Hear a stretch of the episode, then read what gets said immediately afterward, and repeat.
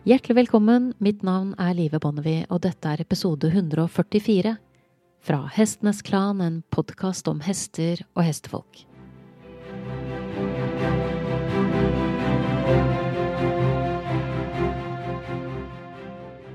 Jeg har alltid vært nysgjerrig på de historiske linjene når det gjelder trening av hest, men jeg har helt klart lest mindre enn nysgjerrigheten min skulle tilsi, og Arne Kotz er således en svært interessant trener for meg.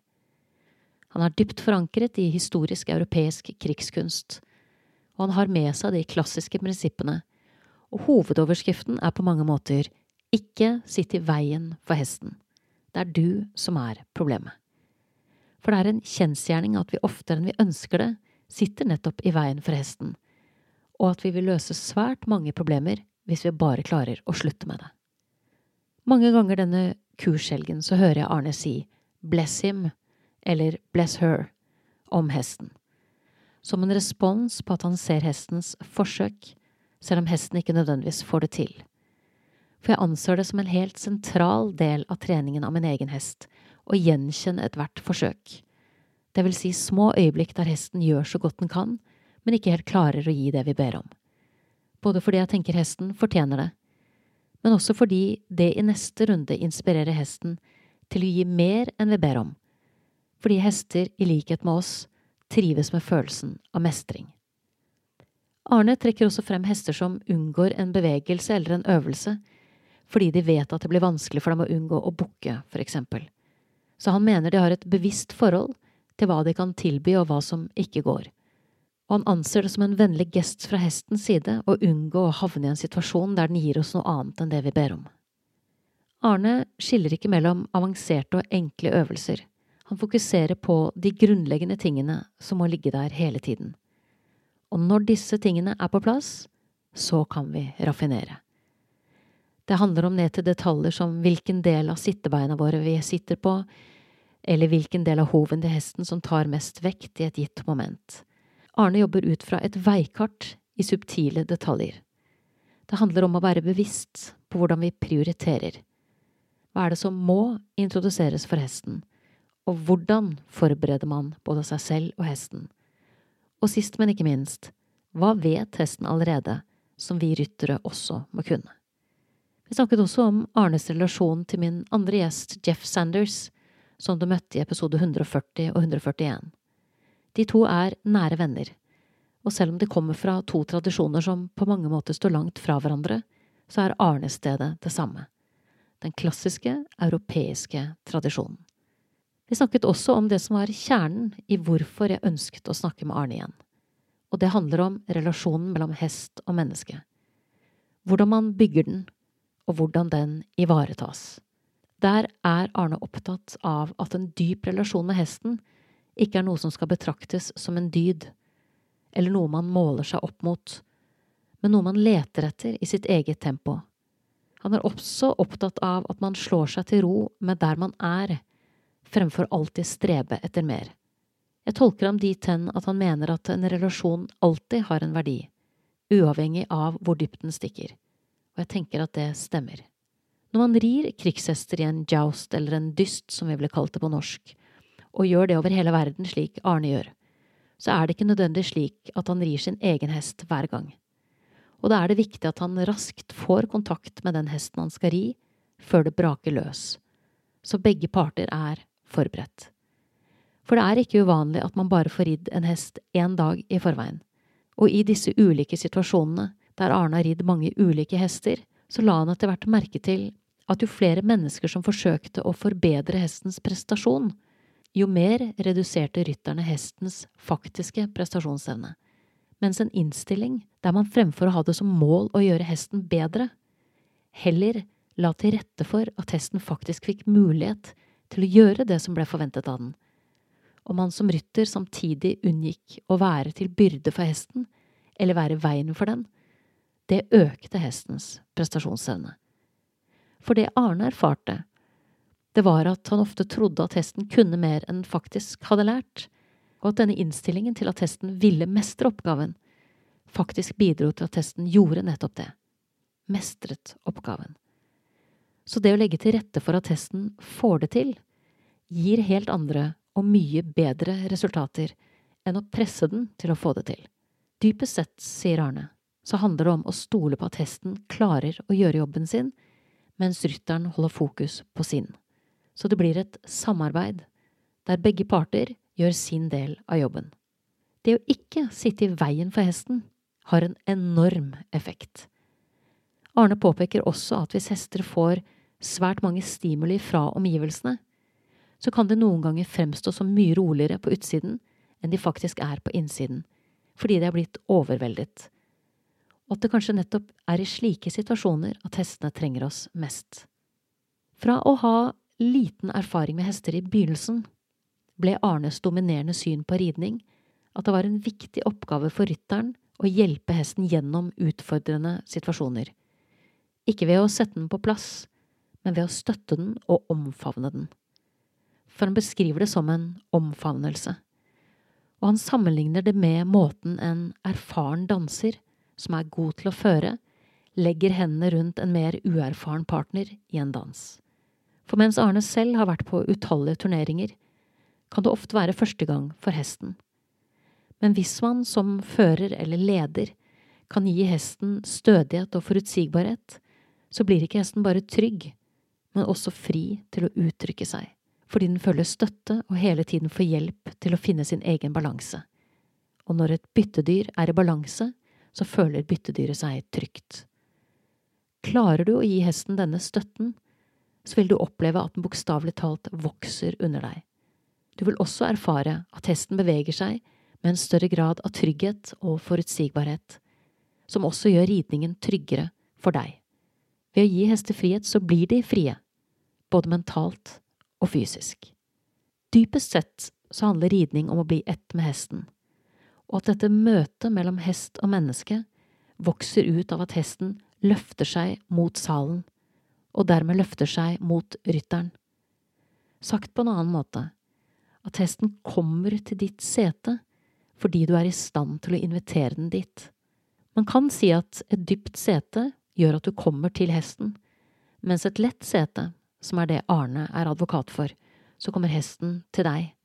Og at hesten velger å løfte seg mot deg, har flere biomekaniske fordeler. Når man rir på denne måten, så er det lett for hesten å forstå hva du ber om, fordi den selv har kommet ditt sete i møte. Så kan den selv også lettere trekke seg tilbake enn hvis løftet av rygg og manke er noe som ble påtvunget fra utsiden.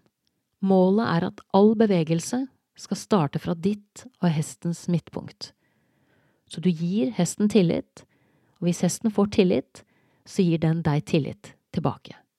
Når hesten er i balanse med rytteren, så blir det også færre overraskelser for begge parter. Da er man sammen om alt. Igjen trekker Arne inn parallellen til dans at en erfaren danser kan forutse den uerfarne danserens mulige utfordringer, og hindre at den uerfarne partneren kommer ut av balanse ved å være til stede og støtte på riktig tidspunkt, ofte uten at partneren merker at det skjer. Og fordi partneren fortsatt er i balanse, så opplever partneren også å vokse med erfaringen. Og det er noe alle levende vesener liker. Så når man danser godt sammen, så kan det være uklart hvem som faktisk fører, for nå danser man sammen. Og når man kommer dit med en hest, at ridningen blir en dans man danser sammen, da blir hesten virkelig modigere og friere i bevegelsene. Arne snakker også varmt om empowerment, og gode oversettelser av dette ordet mottas med takk, for det er ikke direkte oversettbart til norsk, og jeg har ikke funnet noe fullgodt alternativ. Men det handler dypest sett om at hvis vi skal hjelpe hesten, til å få tilgang til sitt fulle potensial under rytter, så må vi også ha tilgang til vår egen kraft og vår egen balanse. Vi må selv være det hesten skal være i møte med oss, for ved å ha tilgang til vår egen kraft og vår egen balanse, gir vi hesten hjelp til å finne sin. Og først da kan vi ri på ordentlig. Først da kan vi snakke om ridning med stor R. En form for ridning der hesten erfarer mestring, og får en god følelse når den lærer noe nytt, fremfor å bli engstelig for å bli straffet for noe den ikke forsto. For det er lett å straffe en hest. Så lett at vi ofte ikke merker at vi gjør det. Men ved å ligge et steg foran i dansen, for ridning er alltid en dans, god eller dårlig. Så kan du bli så god til å forutse neste steg at hesten kan hvile trygt i at du er til å stole på, at du gjør gode vurderinger, og at den vil bli ivaretatt. Dette gjør hesten mindre reaktiv, og først når byttedyret slipper å være reaktivt, kan det virkelig blomstre. Du blir en bedre venn for hesten, og ut fra det vokser det også et dypere vennskap. Å være der, være pålitelig, være konsistent og i stand til å gjenkjenne og svare på hverandres behov, og ikke minst klare å skille mellom hva som er bra på kort sikt, og hva som er viktig i det lange løp, det er det hesten trenger. Å være en god venn, å være en god fører, å være en god trener, alt dette henger sammen, og handler dypest sett om å prøve å være et bedre menneske. Dans er en tilbakevendende referanse hos Arne.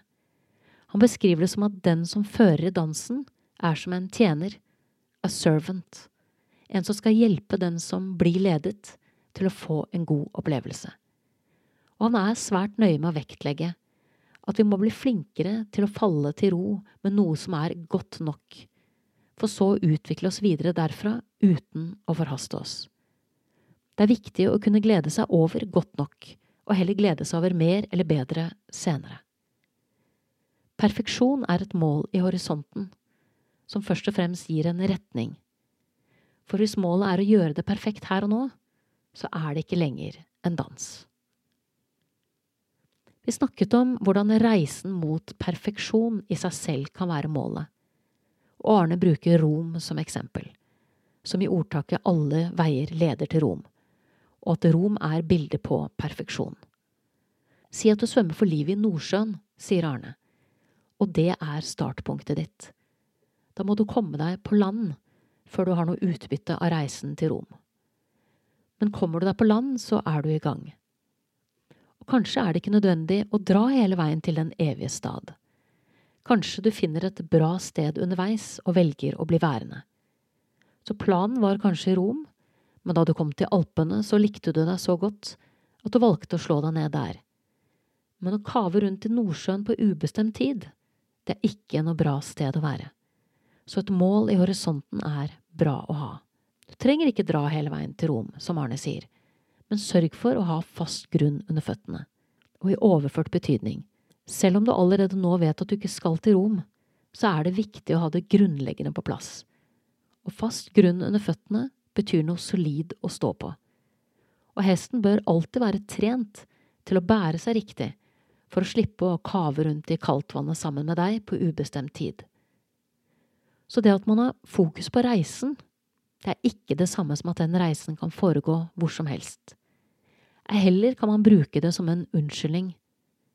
Nei, vi skal ikke til Rom uansett, så vi kan like godt kave rundt her, vi. For det kan vi ikke. Hesten må ha fast grunn under føttene. Vi snakket også om det å betrakte ridning som kunst, og at det kan virke fremmed på mange, og kanskje også gjøre at man tenker at det er noe uoppnåelig. Men sannheten er at dette er innenfor rekkevidde for alle, særlig i våre dager, der hesten for de aller fleste er en dyr hobby, men ikke noe man lever av. Og kunst forutsetter ikke et høyt nivå, ei heller konkurranse. Det eneste som kreves, er at man strekker seg etter å skape noe sammen, og at man lar hesten fortelle om man er på rett vei eller ikke. Du har nettopp hørt episode 144 fra Hestenes Klan, en podkast om hester og hestefolk, og som alltid oppfordrer jeg til å høre det originale intervjuet. Rett fra kilden er alltid best. Da gjenstår det bare for meg å takke min faste komponist Fredrik Blom min gjest Arne Kots, og sist, men ikke minst vil jeg takke deg, kjære lytter, for tålmodigheten. Måtte hesten for alltid være med deg.